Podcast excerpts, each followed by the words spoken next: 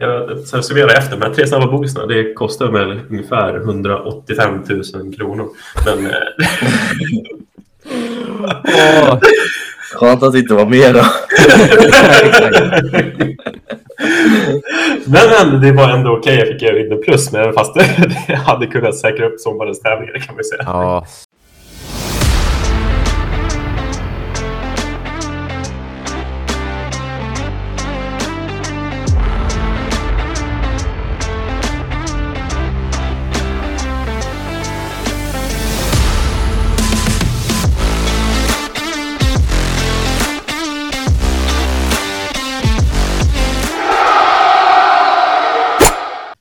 God morgon och varmt välkomna till ett nytt avsnitt av Golfens enda podcast. Mitt namn är Jonas Gullberg och med mig som alltid har jag William Monier och Wesley Monier.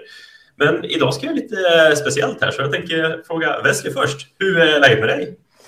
Jo, men det är bara bra Jonas. Det är eh, ny vecka. Lite halvtrött idag. Eh, men det är ju sånt man får stå ut med när man har sett golf och Super Bowl och allt annat som har hänt denna helg. Men eh, jag mår bra och är taggad inför ett nytt avsnitt ska jag vilja påstå. Så jag frågar eh, Ville, hur är det med dig? Jo, tack. Det är, eh, det är bra. Också lite, lite trött. Jag var också uppe och såg på, inte, inte, inte Super Bowl då. Jag är inte helt dum i huvudet då, men eh, jag såg på golfen. Eh, så att eh, jag, eh, ja, det var, det var ju så spännande så det gick inte att lägga sig och sova när det var bara några hål kvar och, och sjukt spännande. Så att, eh, så att nej, jag eh, är taggad för ett nytt avsnitt. I, igår var jag riktigt så här, fasen jag ser fram emot avsnittet så att eh, det börjar bli väldigt kul, vi, som vi har pratat om själva här i eh, mellan avsnitten. Det är kul att se att det är fler och fler som lyssnar och eh, skriver till oss så att vi är ja, jättetacksamma för eh, allt eh, stöd och alla lyssningar. Ja, men det verkar som vi gör lite bra saker längs vägen i alla fall. Ja, någonting i alla fall, inte bara sockets. Nej, det är, jag tycker det är helt otroligt faktiskt. Det är stort shoutout till alla som lyssnar. Det är eh, stort, stort tack. Det är verkligen kul att se som Willy Ja, säger. verkligen. Vi växer varje vecka. Och Verkligen. Att ni uppskattar det är vårt tramsande här vissa stunder. Det blir lite som att vi började med att vi liksom så här, ja, men man, man duffar lite, man tog den här tjocka bollträffen, hamnade 10 meter kort om green, men nu börjar vi liksom reda ut en bollträff. Vi träffar ändå bollen med järnsjuan och kanske järnsexan nu. Det är bara de långa järnen vi har kvar innan vi kan börja bomba drives med podden, podden tänker jag. Ja, men exakt. Det är som en normal 30-handikapp i alla fall. Vi ska börja ta oss av liksom 10 eller framåt. Ja. lite T-struggling kanske fortfarande men eh, träffar ändå bollen på fairway med järnklubba i handen. Det, det tycker jag att vi gör. Men Jonas, hur är det med dig då? Jo, men det är bra. Jag är fort, jag är också lite så här småtrött. Jag såg ganska mycket golf, men jag är lite gubbe, så jag såg den här dagsgolfen. Jag såg det från, eh, jag såg det DP. från, från DP eller Singapore den här veckan. Vi ser Så jag fick- priserna idag. Exakt, jag kommer få se lite repriser från USA förmodligen ikväll eller något sånt där. då. Men eh, Ja, nej, det mig bra. Jag spelade ett eh, indoor-varv här på söndag morgonen på Next Golf Tour där jag fick en rejäl adrenalinkick faktiskt. Ja. Jaså, hur gick det då? Ja, nej, jag jag var ju på väg. Jag var i ledning när efter 14 spelade hål, men sen så kom eh, nerverna ikapp och jag gjorde tre bogeys och slutade Nej. på trettonde platsen. Och så, där. så det var ju det tufft. Ja, men man ser liksom hela tiden i alla fall eh, tydligt hur man ligger till liksom. Ja, exakt. Det gör det. Ja. Det är lite för tydligt. Och, det, var, det blev så intensivt när man spelar inomhus. Man har inte de här två minuterna att kunna andas och komma ner i varv och samla sig lite. Så då kände jag den här gången att nej, men tyvärr så uh, lyckades inte jag med mina mentala processer och coping skills och få ner pulsen och den lite grann. Så det var tufft. Lite tuff avslutning. Ja. Vad, vad spelar ni om eh, rent eh, pengamässigt? Ja, det är 150 000 dollar för fältet. Ja, jäklar. Ja, Eh, så- så det vad, det. vad vinner man då? Vad, Ja, vinnaren får ju 19 000 dollar. Och ehm, det var ju, det hade ju varit typ sommaren. Nästan jag ser upp till det. 19 000 dollar per tävling alltså? Ja, exakt. Förutsatt att det inte blir några, några delningar. Men det ska vinnaren få de här tävlingarna när det är 500 pers i fältet. Då. Ja, jäklar. Och, och du var i ledning när det var... När det var fyra hål kvar.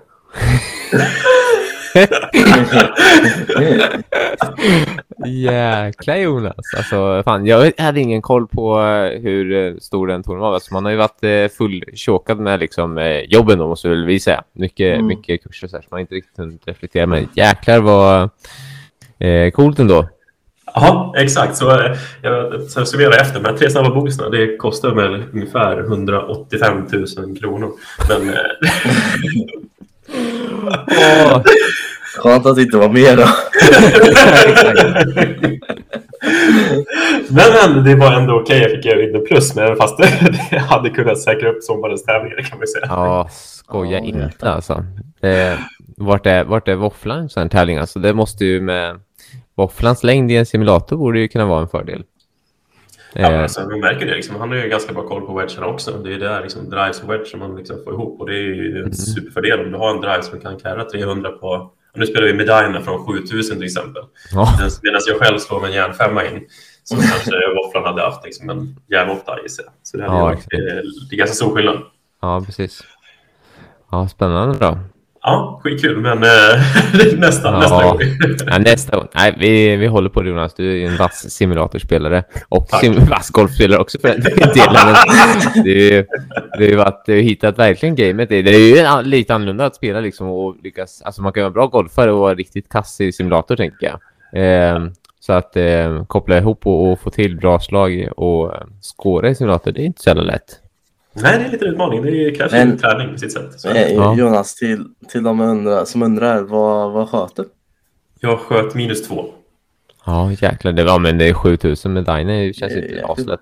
Ja, jag är jättenöjd. Liksom. Visst, det hade kunnat, det hade kunnat varit helt fantastiskt att få Ja. poppa champagne och sånt där. Liksom. Men jag, jag är ändå nöjd liksom, med att skjuta under par under de förhållandena. Liksom. Och det, när man vet om från början att jag kommer inte ha en wedge i nästa på denna hål förutom par femmorna. Så för alla som lyssnar på podden så hade inte Jonas Gullberg gjort de här tre boxarna så hade inte han, eh, hade han gjort, inte gjort dem så hade han nog antagligen inte varit med idag. Så vi är ju glada för han är med idag. He- He's down to earth, he's back in the podcast. Exakt. Han svävat över oss, Hoffland. Hade vi suttit själva här och tuggat. Ja. ja, men med de orden så tycker jag vi hoppar in på veckans nyheter.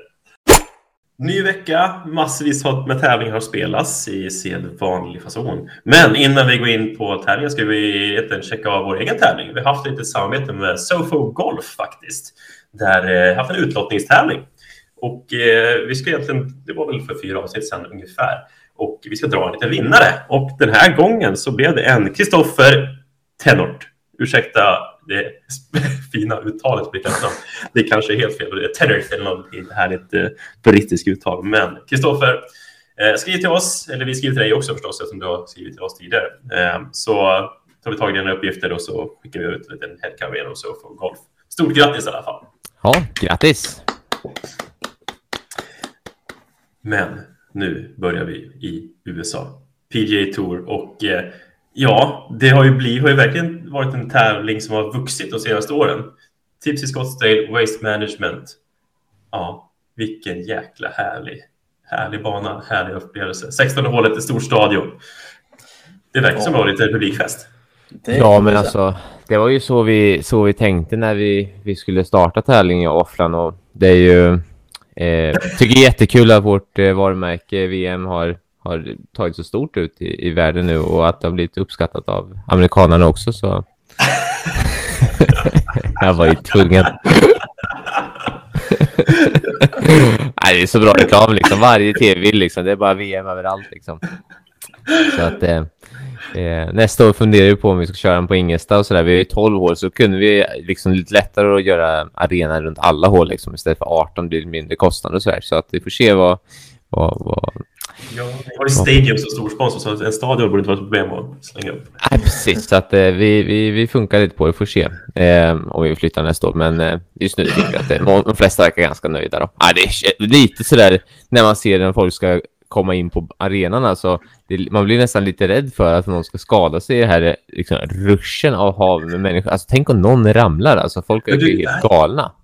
Ändå bli lite så här att det inte är bättre säkerhet där. För jag tänker på alla, alltså musikband nu för tiden så har de nästan tvång på att man inte får springa fram till de främsta Ja. platserna.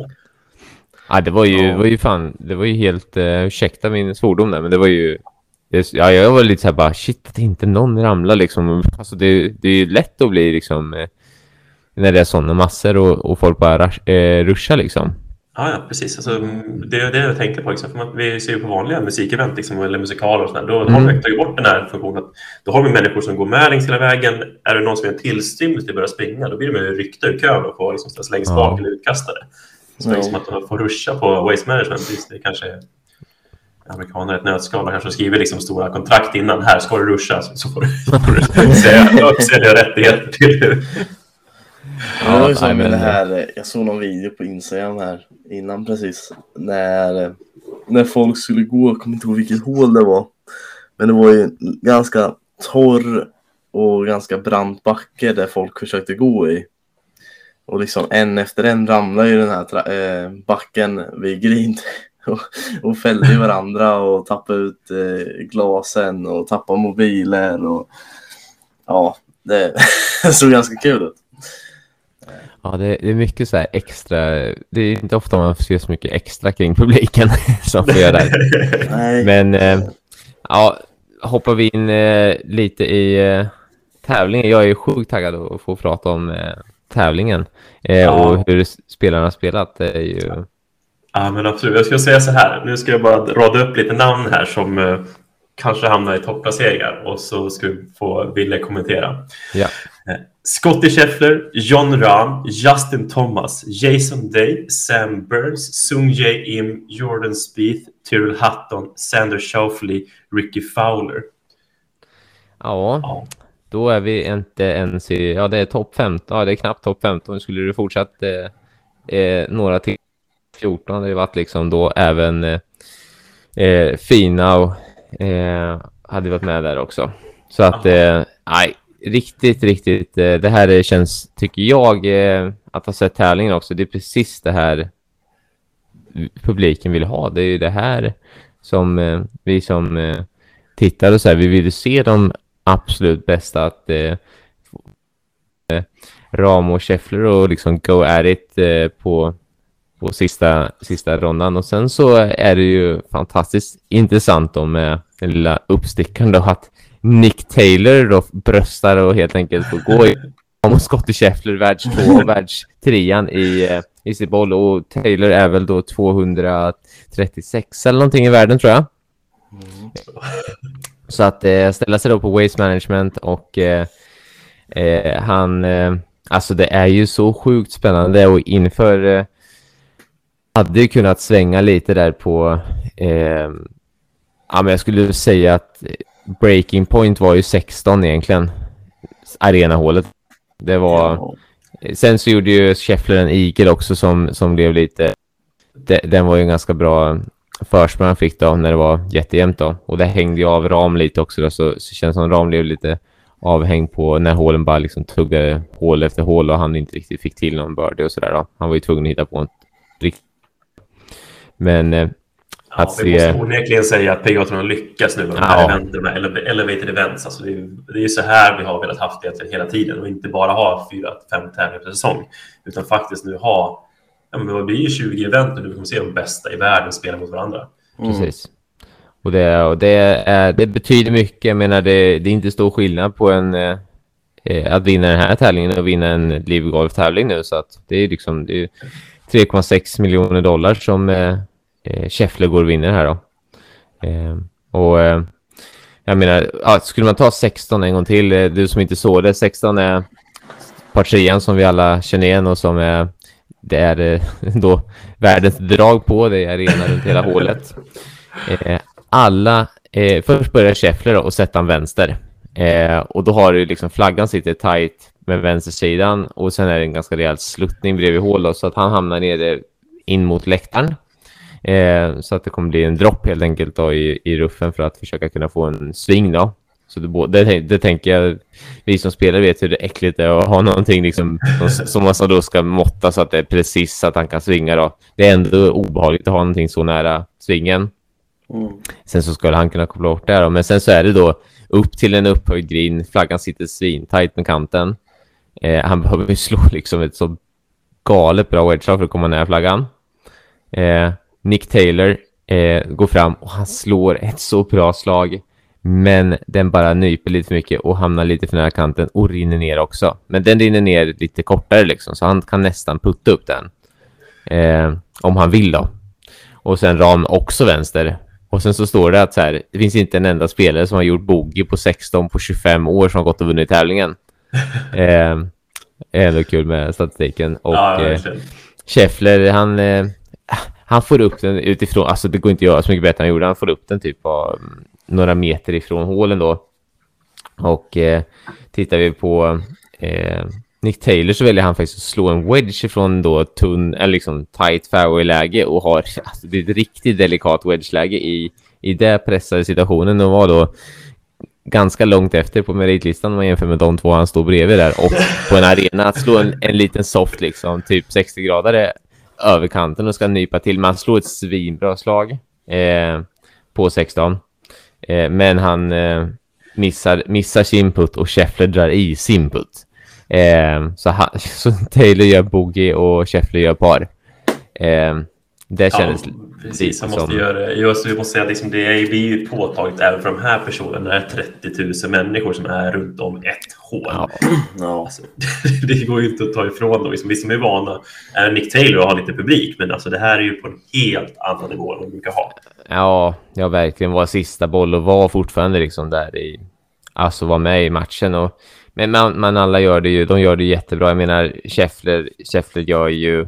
Han vinner ju tävlingen. Han, det är inte så att någon förlorar ändå, men Scheffler går ju sex under sista, sista varvet och Nick Taylor går också sex under. Eh, så att... Eh, eh och Justin Thomas går också sex under och går från, när man delad 18 eller någonting, till, eh, till fjärde plats då. Eh, det är eh, också en skaplig upphämtning så att... Eh, det, det är precis det här vi eh, vill se. Det är väl synd att det är vissa grabbar som inte är kvar bara, som hade förmodligen varit med i den här liksom, listan om de har varit med nu då. Nej, precis. Vi ska inte bli alltför polisiära och snacka om LIV och PGA, men PGA-touren, det är för att spela som är där just nu så är LIV det bästa som har hänt för dem helt enkelt. De har ju fått den, den perfekta miljön att kunna utvecklas som golfspelare och kunna frodas eh, privat kan man säga. Ja. Helt enkelt. Ja. Men vi hoppar vidare. Eh, Självklart, Waste Management är en häftig tävling, men vi måste checka av lite annat. Och det är faktiskt, vi ska hoppa över till damernas den här gången. Och det är veckans LIT-event. Ja. Och vi har, ja vi kan säga att i sedvanlig fason har vi svenskor i toppen. Ja, Det kan man ju lugnt säga. kan man säga. Återigen, starken var stark och lyckades vinna. Vilken jävla tjej! ja alltså det är ju helt sjukt alltså. De är, de är eh, på en ny stopp. nivå alltså. Eh, de eh, är ju, alltså, går ändå att vinna med fyra slag ändå. Det är ju sjukt eh, bra gjort alltså. Ja, Finns men det- stopp alltså. Nej, det, finns, det, det finns just nu finns det ingen stopp. Och för alla som inte såg tävlingen så var det Lynn Grant som var tvåa också. Så det, det är de Precis. två som vi har haft i framkant för brudarnas golf här senaste säsongerna. Och de fortsätter i exakt samma fason som de hade förra året. Och det är att Ja. vara i toppstrider mot varandra egentligen. Ja. Och, sen- jag menar, vi hade väl ytterligare då fem svenskar i topp 25 och eh, tredje svensk var ju Linnea Johansson på en delad 13 plats som har varit med i Golfens enda podcast. Det kan ju vara mycket möjligt så att det påverkar hennes eh, eh, fina prestation den här gången. Ja, men helt och hållet. Det måste ju hända mer avslappnande att få prata med oss lite grann. Ja, jag tänkte också. Nej, eh, det var... Jag såg inte tävlingen själv och på grund av vissa anledningar, eller vad säger du Jonas? Ja, jag kan, inte, jag kan inte kommentera. De inte ens kan visa ett, en sekund från tävlingen på någon eh, betalkanal som finns i Europa. Så det är, nej, jag tycker det är bedrövligt. Man kan, man kan inte se upp lösningen. Du kan, kan knappt se sammandraget på LTs Instagram-sida. Så illa är det. Du kan fick se hennes sista putt, Maja. Ja, Men fick inte se något mer. Nej, Jag tycker det är helt, det är helt fan, fantastiskt dåligt av Toren. Visst, nu kanske de, nu har jag läst på lite att det är lite gamla tv-avtal som ligger kvar och skrapar, men oavsett, de kan inte sätta sig så här sits när det är så otroligt underhållande golf som spelas och eh, det är så bra spelare som börjar komma fram nu. Det är, det är tråkigt för svensk golf, tråkigt för kvinnlig golf överhuvudtaget att det är som det är, att man inte kan se det. Det kan Ja.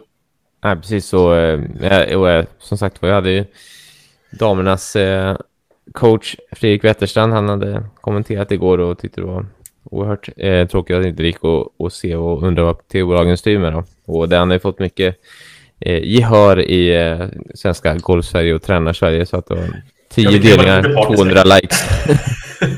ja, men eh, ja, fasen måste kunna få se våra idrottare prestera. Jo, men det är ju klart. Det är liksom, man märker det. Liksom. Och även fast de inte varit svenskarna så har det ju varit eh, ändå bra spelare i toppen liksom, som har spelat bra golf. Liksom. Och det är ju den här Adita Tjock som vann förra veckan med Kenny. Ja. Hon var ju den som kom trea plötsligt. Mm. Ju... Ja, hon vann ju helt... Eh, ja, precis. Hon var ju helt galet överlägsen förra veckan. Ja, precis. Nej, så vi får väl se hur det artar sig. Vi kanske är sista säsongen där vi har de här dåliga avtalen för kvinnliga golfare och kanske förhoppningsvis mot nästa säsong, alltså 23-24, så kanske det blir lite annan exponering i, i tv och kanske möjliggör då att de får lite mer tv-tider och liknande. Men det är ju bara att hålla tummarna i sig. Får vi får hoppas. Vi hoppas det. Eh, en annan kille som har gjort det bra, det är, eh, jag skulle nästan kunna säga lite bekant till oss, det är Adam Blomé. Som ja, spelar ja. otrolig golf på Challenge-touren. Han har lyckats spela till sig en andra plats det var lite halvdant spel på andra och tredje varvet som gjorde att han inte riktigt tog det steg jag skulle inför Moving Day sista dagen. Men oavsett, andra plats i en av sina, inte i första starten men för ordinarie spel och ordinarie säsong så är det ju otroligt bra. Ja, ja jättekul och, kul att se att vi Ja, men att det fyller på. Vi vet hur, som sagt, hur vassa tjejerna är, men det är kul att eh, vi får fler och fler killar som eh, eh börjar prestera på högsta torerna. Exakt. Jajamän, jajamän. Det, det håller jag med Vi märker att det som är bra herrspelare och det är Challenge som möjliggör det. Och det är kul att se ja. att vi ändå har en liten styrka som kommer nu efter eh, när Mikael Lindberg och Simon Forsson har tagit steget upp på högsta nivå. Precis. Jajamän. Och eh, för att äntligen avsluta den här nyheten så hoppar vi in på DP World Tour. Eh, vi hade en svensk ledning efter första varvet med Simon Forsström som vi tidigare nämnde men som föll tillbaka lite grann och istället fick en vinnare som heter Oki Stridum. Är det ett bekant namn för er? Nej, det skulle jag inte påstå. Nej, det är nog inte för de flesta faktiskt. Han, visst, han har vunnit på DP tidigare, men han är en sydafrikan som har varit lite skadad de senaste åren. Eh, han har 19 andra platser på Sunshine Tour, men har ändå på de senaste ja, 15 starterna två stycken vinster. Mm. Så det är väl stor grattis till honom. Men eh, vi har vår lilla kära poddfavorit Sami Välimäki som kom tvåa. Jajamän. Och eh, det var ju Välimäki ledde ju med typ två slag inför sista nio så här, men han gjorde ju en riktig rush på slutet, eh, Stridham. Ja, men verkligen. Han eh, sköt han fem under par sista nio, så det, det ja. sätter sig i en perfekt position. det kan man säga. Ja, med de orden så tycker jag att vi hoppar vidare i podden. Och vi ja, tänk, vi får inte glömma, vi har ju glömt en svensk tjej faktiskt. Ja, vilken tjej har vi glömt nu då?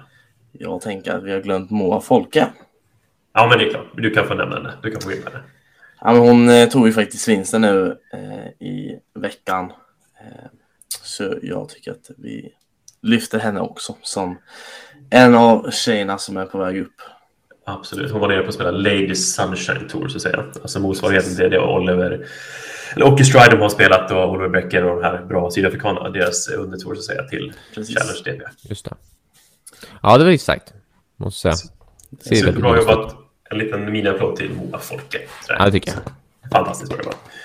Men eh, med de orden så hoppar vi vidare till eh, Willes tränarspaning. Då var det dags för min tränarspaning och eh, den här veckan så tänker jag att eh, temat och titeln kommer vara att eh, hitta ditt optimala golfgrepp. Sluta ändra. och jag tycker att vi... Ja, men jag skrev igår eh, kväll sent eh, ett litet inlägg och, och bad folk önska lite vad de ville eh, få för tränarspaning. Fick mycket bra grejer. Vissa grejer får vi spara för jag tänker att det kan vara en del grejer man kanske vill komma ut och testa sen. Och jag tänker, fick någon som ville prata om bunker och då kanske vi kan få vänta lite så att alla kan få testa bunkertipsen. eh, inte riktigt så jäkla bra bunkersand än liksom vid vissa delar av Sverige. det är bara ni skåningar där nere som, Exakt, som har det hyfsat. vi ska öppna lite grann. Exakt. Så att då tänkte jag så här att hitta rätt grepp är skitviktigt faktiskt för eh, varje spelare. Och eh, jag tycker lite sådär vad man ser för eh, trender kontra vad som faktiskt funkar för, för alla golfare. Och eh, man ser, jag tycker det är väldigt populärt, nu får ni, kan ni rätta mig om ni tycker att jag har fel, men man ser väldigt mycket bladkontroll på, på schemat, att alla spelare ska ha en eh, låg rotation på bladet genom träffen. Eh, att det pratas väldigt mycket så om vi tänker rent svingtekniskt att man ska kontrollera bollflygningen att man har en väldigt trög rotation på själva bladet. Det, från att det upp, är öppet till att det stänger sig. Att den liksom, sektionen går väldigt långsamt genom träffen då. Och då ska man kunna kontrollera vilken, vilken typ av position bladet har i träffen lättare. Och eh, eh det är fysik, liksom i, i liksom hjärnan låter ju det ganska rimligt. Men det som jag av erfarenhet har sett och eh, som, som tränare, det är att ja, det funkar för vissa spelare. Att eh, hittar man liksom rätt profil för dem så, så kommer det att bli bra liksom. Att eh, de kan ha mer, som jag kallar det för en mer Dustin eh, release då, att klubban jobbar väldigt trögt genom träffen. Men det beror på att man måste ha vissa liksom, förutsättningar som, som kopplar upp bra. Jag hade en, en sån lektion i veckan där en, en spelare eh, spelade med en väldigt stor vänster eh, miss. Liksom. Det var liksom att den gick, tog mycket vänster då. Då kan man tänka sig att eh, i, eh, om vi pratar nu då med två tränare, tränare här, eh, att ni två, om jag hade då stärkt greppet, det kanske inte låter rimligt på en gång. Eh, för att göra ett starkare grepp skulle ju kanske skapa mer vänster. Men vad den här spelaren behövde i min värld, det var egentligen faktiskt ett starkare grepp och en annan typ av release då, och då behövde han få ett grepp som kunde matcha att releasa med mer med kroppen än att han releasar den med händerna då. Eh, så att det är hur ska man, hur ska man hitta liksom vad som är rätt? Ja, det kan man kanske inte säga bara rakt ut i en podd att alla ska hålla på ditt sätt, utan jag, när jag har en lektion så, så testar jag, jag gör vissa små tester för att se hur, hur armarna vill jobba och utifrån hur armarna rör sig och vilka typer av liksom, eh, som säga, rörelser man gör när man, man testar det här, då kommer det liksom signalera att en spelare ska antingen ha ett som vi kallar starkt grepp och då är att om vi tänker en högerspelare, att högerhanden är mer roterad till höger eller mer under greppet. Det är ett starkare grepp. Och ett svagare grepp skulle vara mer handen roterad till vänster, mer över greppet. Den ligger mer uppe på greppet. Och beroende på vilken av de här profilerna man går in i så kommer releasen vara olika. Så det här med att det är så inne att ha en låg liksom, bladrotation genom träffen. Ja, det kan vi se på en del spelare som kommer upp och, och eh, svingar klubban väldigt bra och, och skårar väldigt bra. Så, som har då en, ska man säga, lägre rotation. Då kan vi se också, tar vi en som Dustin som ett typexemplar på det här. Ja, han har ett, ganska, ett väldigt, väldigt starkt grepp också då. Tittar vi på hans högerhand så ligger den väldigt mycket under eh, greppet då, roterad till höger. Och tittar vi på, på andra sidan då så har vi en som tappade sin eh, världsetteplacering i, igår kväll då. Eh, det var ju Rory till exempel då. Mm. Tittar vi på honom har vi en, en, en hand som sitter mer över då. Eh, man ska säga den täcker hans vänstertumme mycket mer.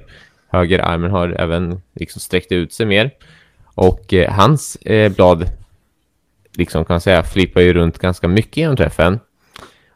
Så det här måste man hitta vad som är rätt matchning för den unika individen och då kommer ni få bladkontroll. Så att få mer bladkontroll i sin sving kräver rätt matchning av greppet och där i sin tur hitta då rätt typ av liksom, release och hur man helt enkelt eh, roterar igenom bladet eller inte roterar igenom bladet.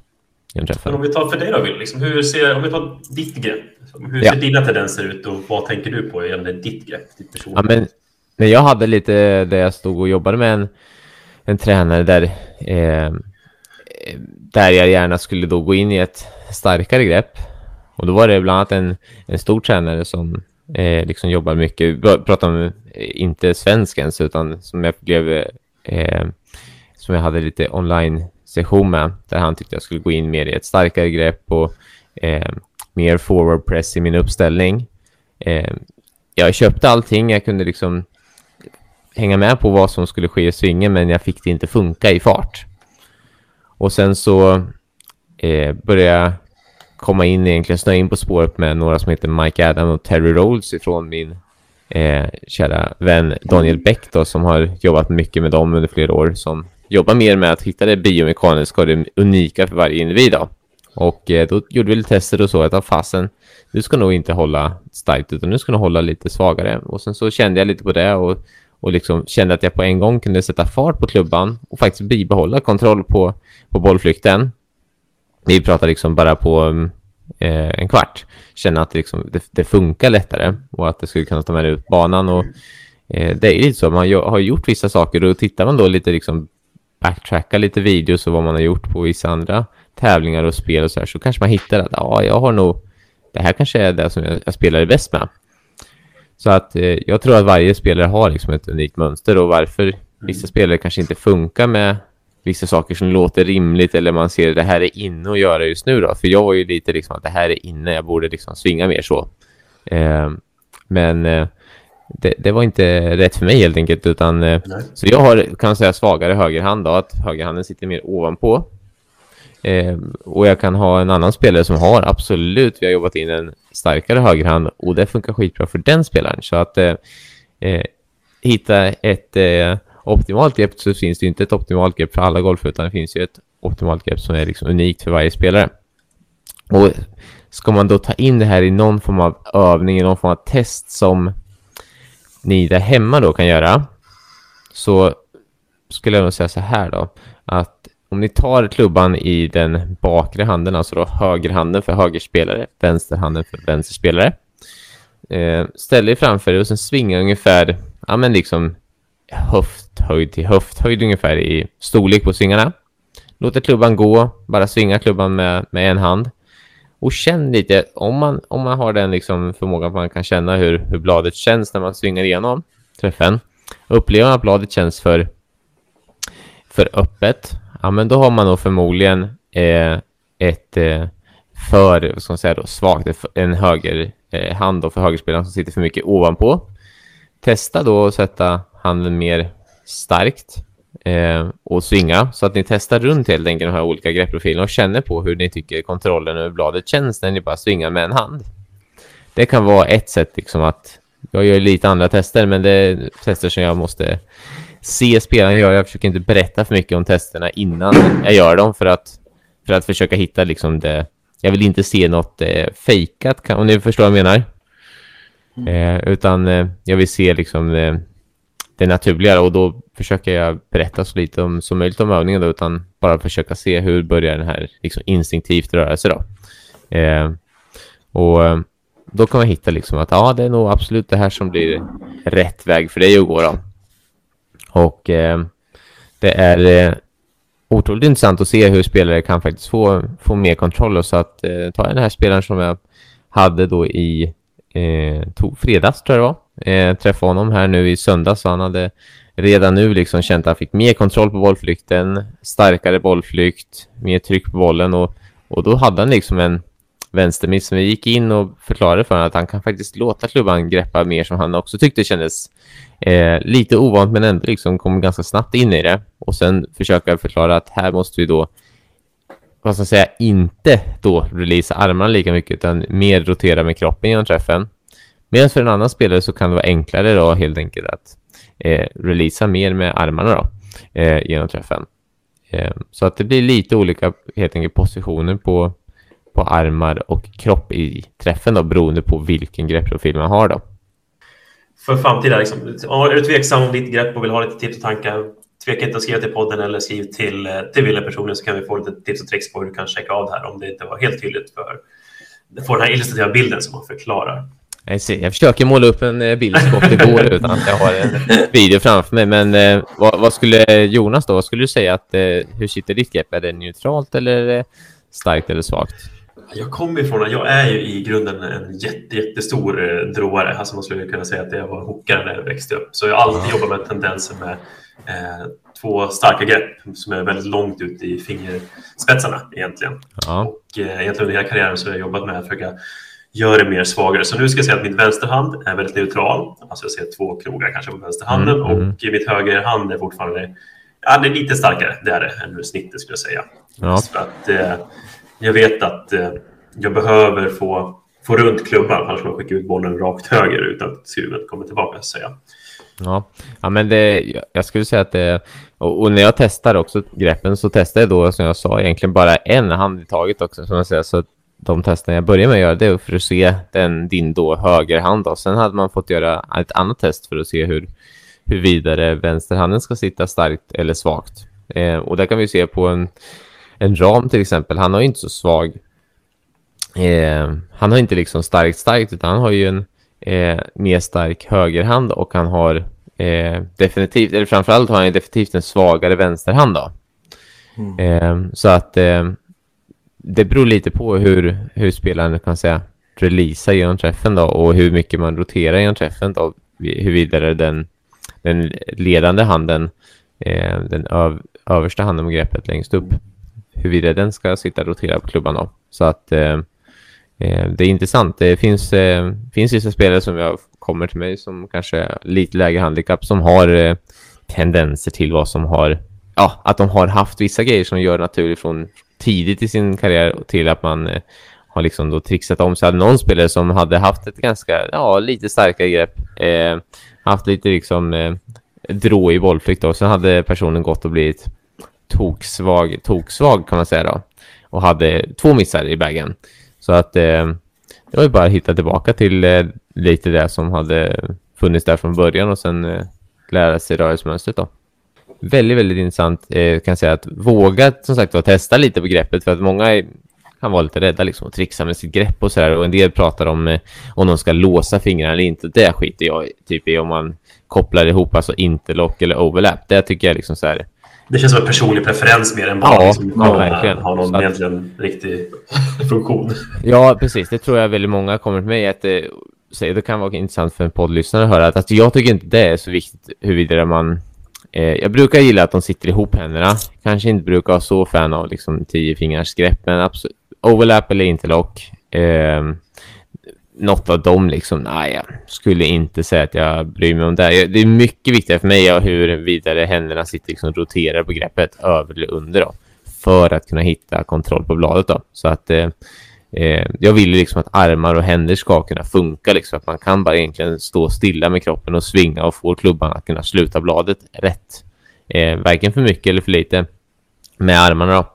Eh, så att eh, och det, då kan man, ja det gäller ju liksom synka armarna och händerna först och sen får man ju liksom sätta på kroppen och eh, få den igång.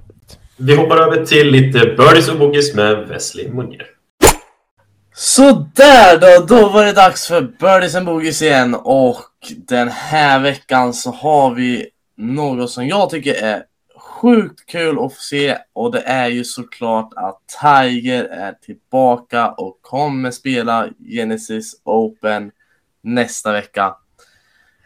Något som jag tycker är helt galet kul att se. Vad tycker ni boys? Ja, Jag älskar det. Alltså jag Ja. är ju Tiger-fansen. Eller det är ingen som inte är Tiger-fan egentligen. Alltså hans golfliga prestationer. Han är ju legendar liksom. Och det är på banan. Man ser ju bara vad golfen går igenom när han är borta. Att det, det är som att det fattas en, det viktigaste. Den lilla kryddan. Ja. Alltså, vi, vi pratar ju nästa vecka på Riviera, så alltså, det kommer ju vara... Alla spelare kommer vara där och Tiger, alltså. Det vi, nu är det... Eh, det här börjar bli... Kan det här komma tillbaka? Alltså, det är ju... Nu får... Om vi pratar eh, PGA och Liv, alltså. Nu får de, nu får de tufft. Det är inte... Det är, att plocka in, eh, som sagt, var, dragplåstret Tiger på en tävling, alltså. Det, är, eh, det blir spännande att se vad tittarsiffror och sånt här... Eh, hur mycket det ökar alltså. Det, nu, när det är, nu när det är så grymma startfält alltså. Det, det här Den- kommer nog den- bli... Ja, det är Ja, största det- vi har varit med om hela vintern tror jag. Eller Ja. alltså på sen, sen han var med senast. Ja, och det Ja, var den ju... tävlingen är ju lite speciell för det hände ju lite grejer förra gången han var med. Kan man väl säga. Ja, jo precis ja. Det var ju... Det, Eh, det var där allt började. Ja, precis. Det var ju i, i samband med den som kraschen skedde ju. Jajamän, det var på väg från tävlingen. Eh, Så var de stressat till någon sponsorevent eller var det? Eller Ja, så någon filminspelning va? ja, men det var någon dokumentär eller någonting och han var skitarg och ruschade ifrån eh, eh, den inspelningen. Eh, och, och körde snabbt därifrån. Höll på att köra över han som eh, var liksom eh, director tror jag för själva eh, vad det nu var för någonting då. Åh jäklar. Och då visste man inte om, ja, i början visste man inte om han eh, ens överlevde och sen visste man inte om han kom tillbaka till golfen. Men nu är han tillbaka och ska spela igen och det tycker jag är, ja, det är nästan en igel den här veckan tycker jag. Det, det är nästan så pass. Ja, ja, vi kommer ju, vi kommer ju ha... Eh, ja, vi pratar om eh, Rory, Scheffler, Ram, Cantley, Schauffele, Morikawa. Eh, alltså, eh, vi har hela världseliten eh, i eh, filet här. Eh, det står att Salatoris också ska med. Är han inte Oh. skadad eller?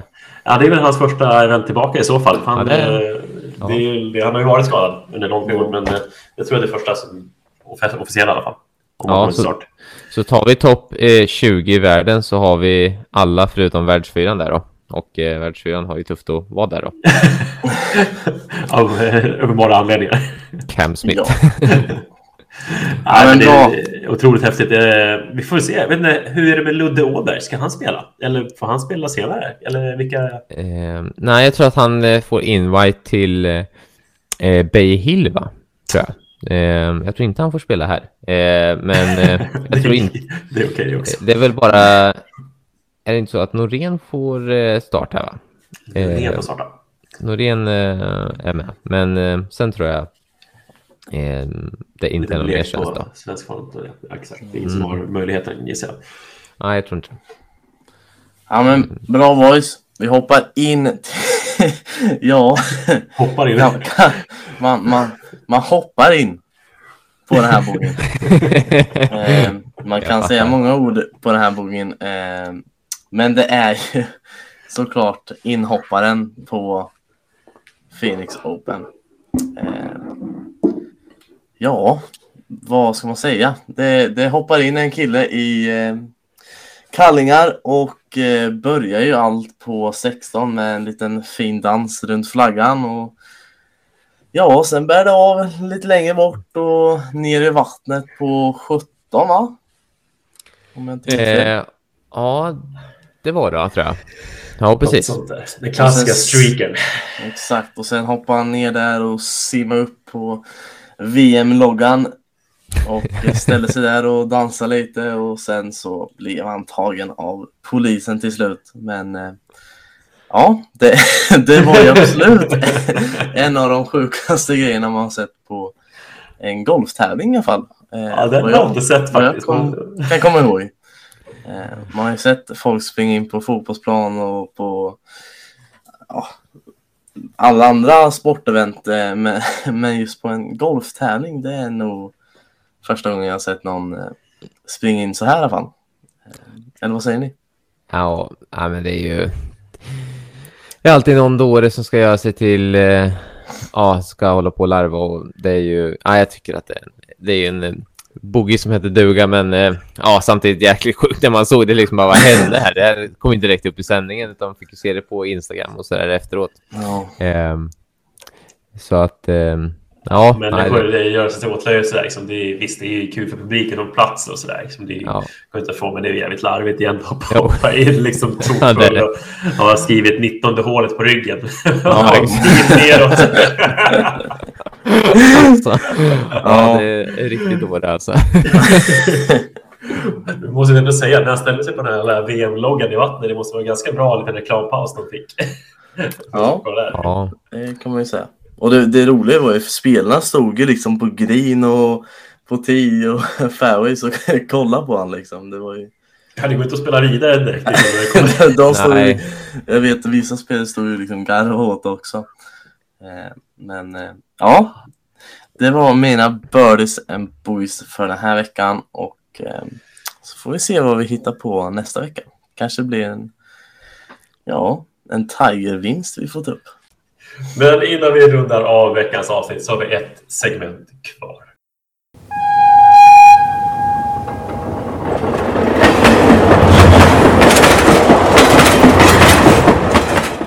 Då hoppar vi in på det sista delen här. Och eh, vi åter tillbaka till vart är vi på väg? Hur känns det grabbar? Är ni, eh, har ni hämtat er från förra veckans eh, nederlag? Eh, nej, inte riktigt tror jag. Alltså, det tog jättehårt på mig. Jag, det var några dagar jag fick bara ligga i sängen och, och eh, skaka under täcket för att eh, den, eh, den liksom blunden där att gå poänglös ifrån någon gång, det trodde jag inte skulle uppstå. Men det har ju uppstått så att nu kan ju inte saker och ting gå sämre i alla fall. Nej, jag, ty- jag tycker fortfarande jag hade rätt i min gissning. Okej. Jag tror det är den som styr och ställer det här programmet som är riggad.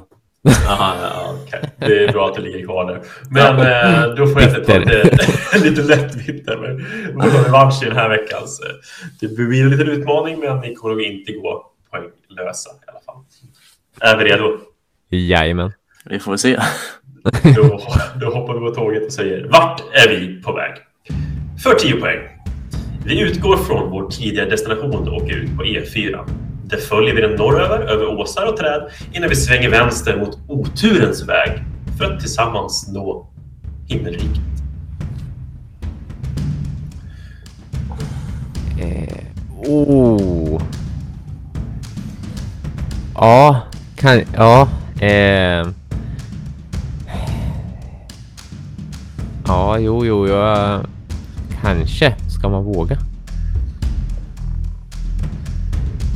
Hmm. Ja. Ja, det ligger ju lite sådär... eh, Du måste ta den en gång till i alla fall, för jag tyckte att du sa att... För Vi- 10 poäng. Vi utgår från vår tidigare destination och åker ut på E4. Där följer vi den norröver, över åsar där innan vi svänger vänster mot oturens väg för att tillsammans nå till himmelriket.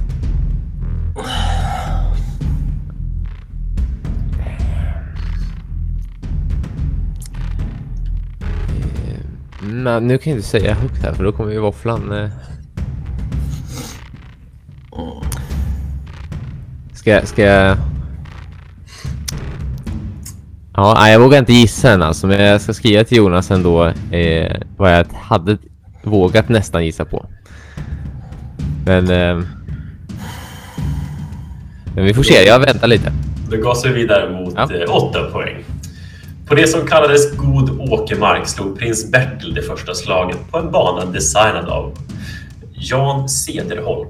Kan dina banarkitekter är detta ingen svår ledtråd. Våfflan har ju ganska bra koll på alla banarkitekter ju, så att eh, det här blir en fördel för dig. Eller hur Våfflan? Mm, eller hur? Våfflan studerar många banarkitekter. Eh, Ja, det... Mm. Jag läser igen. För Ja, gör det. På det som kallades god åkermark slog prins Bertil det första slaget på en bana designad av Jan Cederholm. Kan du dina banarkitekter är detta ingen svår ledtråd.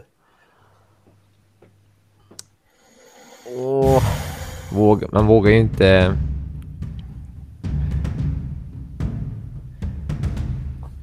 Åh, shit alltså. Man eh, vågar ju inte dra alltså. Eh, Ska man göra det? Nej. Nej, jag chansar. Våfflan! Jag hör dig! Jag hör dig! Skriv till mig! Åh jäklar, jag tog skriva i gruppen. Skriv in till Vänta, vi ska hitta Jonas. Vart fan är du? Där har vi dig.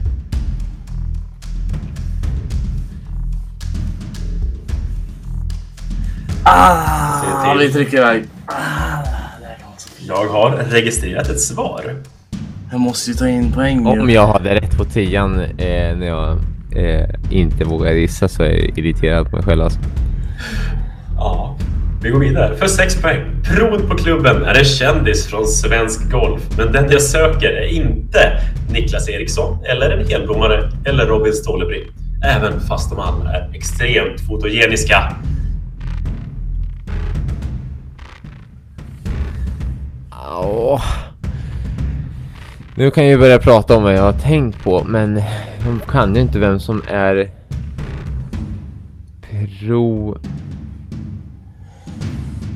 Jag funderar på vilka, vem har ju mer kvar då som du syftar på då? då? Eh, som är fotogenisk.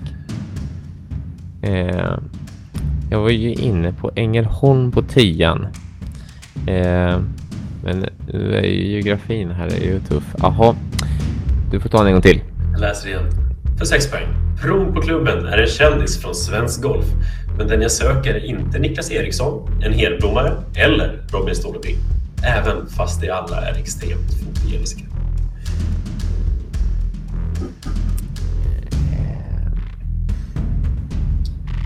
Hmm.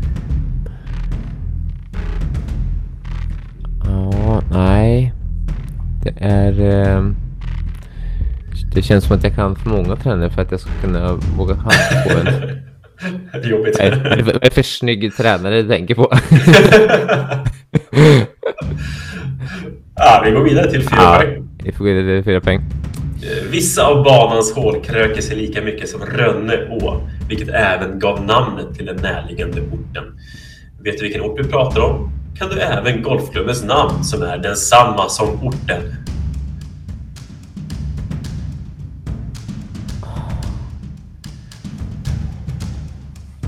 Ja, nu känns det som att... Eh,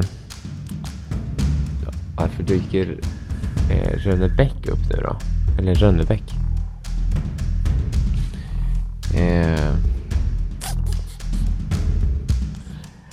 åkte ju från Rya gjorde vi. Eh, hmm, den ligger där. Ja. Jonas, ta det från igen. För fyra poäng.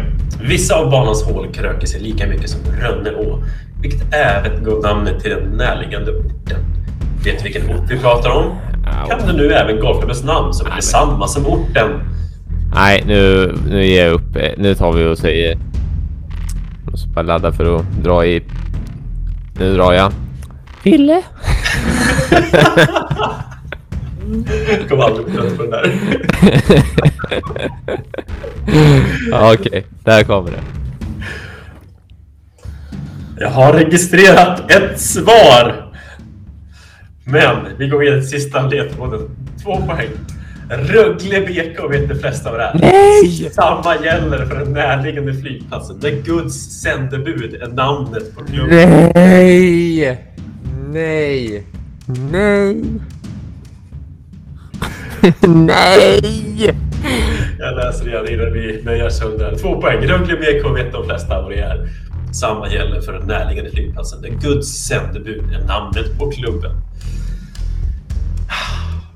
Ja, men vad i hela friden? Ja, jo, jo, jo, det, nu vet jag ju vad vi pratar om. Men, Och jag vet att jag eh, har sagt rätt och sen svarat, svarat fel. Jag, eh, jag säger svaret här. Det är Ängelholms golfklubb. Men ingen av våra panelmedlemmar har svarat rätt. Även fast William nämner orten igen. Två avsnitt i rad. Alltså, åh! Vad svarade du Våfflan? Våfflan svarar Lagans golfklubb. Så han var ju lite för långt upp på E4. Ja, det Men, var eh, det. Ja. Ja, Men den där jävla Lagens golfklubb ligger ju den där skitvägen. Fan. Ja, Tänk dig Otursvägen, den är alltid pissdålig. Alltid Ja, men- ombyggnationer. Ja, vi drar ledtrådarna. Vi utgår från de tidigare stationerna, så vi börjar på Ria Golfklubb där vi var förra veckan. Så åker ut på E4 norrut. Alltså vi svänger norrut och går österut förbi, alltså öster om Helsingborg. Och eh, över Åsar, alltså vi åker förbi en viss ort som heter Åstorp. Men vi svänger vänster, alltså väg 13. Och där ligger då golfklubben på höger sida. Och himmelriket, och där finns lite Ja. änglar tänker jag. Ängelholm, det var därför jag tänkte på den. Och det är, det är ju starkt att du var på rätt väg i alla fall, Wille. Ja, jag har ju alltså skrivit Ängelholm till Jonas på tian. Men eh, på åtta poäng, där har vi egentligen lite information och fakta om klubben. Så är du lite nördig och kan lite golfbandesigner så har vi ju Jan Cederholm som är en gammal golfgud för design. Och han har ju bland annat gjort och designat Ljunghusens golfklubb och sådär. Så eh, det var, det var nästan tuffare än tian tycker jag. Eh, Ja, det- Då måste man ha verkligen lite golfspecifik kunskap. Ja, det hade kunnat vara 20 poäng ungefär. Ja, För precis. I, I hjälp av att veta vad jag skulle svara när jag hoppade Fortfarande bakom tian. Men den som jag då nöter, det är ju sex poäng. Prov på klubben. Robban Löfqvist, Ängelholms golfklubb. Ah, Robban Löfqvist är där. Och ja, alla är ju lite små fotogeniska eftersom de hänger mycket med svensk golf. Lukas Eriksson, Robin Stålbring, Hedblom, gänget, Kasper och Malén och Peter och gänget. Så hade du haft lite koll på svensk golf så hade du säkert kunnat lista ut att eh, den sista personen var Löfqvist. Ja, det hade jag kunnat eh, lista ut. Ja, Jag tänkte, Sofia Edman är ju med där också. Så jag tänkte Ja, precis. men då var det liksom, ja. ja och så kommer jag inte ihåg vart eh, eh, Löfqvist är. Så att, ja, Nej. nej, den hjälpte mig inte. Nej, men det var, det var, det var nära i alla fall. Ja, För fyra poäng. Vissa av barnens hår krökas lika, lika mycket som Rönneå. Och det är lite geografikunskaper. Rönneå går rakt igenom Ängelholm och det var även det som gav eh, namnet, krökningen som gav namnet Ängelholm en, fornnorden dagar. Eh, Ängelholm och Ängelholms golfklubb är ju detsamma. Så, att säga. så hade Ja. vi kunnat åka, hade vi kunnat namnet på banan. här kommer Jonas eh, höger-vänster på mig då när han säger Rönneå. Jag tänker Rönneå kanske ligger och har skapat Rönnebäck. Precis, eh, så det var, ju, det var ju väldigt eh, specifikt. Så det var, Din jävel. här var det. Här, ja, här satt jag fel. Jag skulle ju ha hållit mig två poäng. Det hade jag ändå gått ifrån våfflan. Precis, du hade utökat. Ja, sen säger Rögle och jag bara känner att jag ska banka huvudet rakt in i bordet alltså. Ja, du får ta sista ledtråden, men det behövs kanske inte så mycket förklaring. Nej, eh, Rögle BK vet de flesta vad det är. Det är ju Rögle Hockey, så att säga. Och det är Ängelholms egen hockeyklubb, så att säga. Huvudklubben. Och eh, har en liten flygplats och där åker lite flygplan och eh, Guds sändebud. Vad var de? Det var lite änglar. Och det är namnet på klubben. Ja, nej, men då kände jag lite att jag skulle skicka pannan i bordet här. Men eh, Ja, men det var Ja, fin, ja. fin eh, tur Jonas. Tack så mycket. Men eh, ställningen är detsamma då. 12-6 till Ville och det är oförändrat i två Ja. avsnitt i rad. katastrof alltså. Vi får eh, Tycker shapea till oss. fortfarande det var Lagans GK som var svår. Våfflan han, han gnäller på att det är domar, domarfel här. Så det, känns, Rigga domare. Ja, vi får se det blir om spännande att se. det är kul att se om det är någon som har eh, varit med och kört lite och se hur många poäng folk har. Liksom. Eh, så att eh, det kan ni ju kommentera på Instagram eller skriva till oss. Om Ja, ni har en kört själva. som har typ tagit fyra, tio poänger. Nej. Ja, vi får, får se om hon lyckas med den. Det är det återkommande med. Men eh, grabbar, tack så jättemycket för idag. Eh, alltid lika kul att sitta och snacka och eh, jag ser fram emot nästa vecka redan. Tack själv boys. Tack samma. Ha det så bra nu. Ha det så bra. Ha det så bra. Ha en bra vecka. Hej. Hej.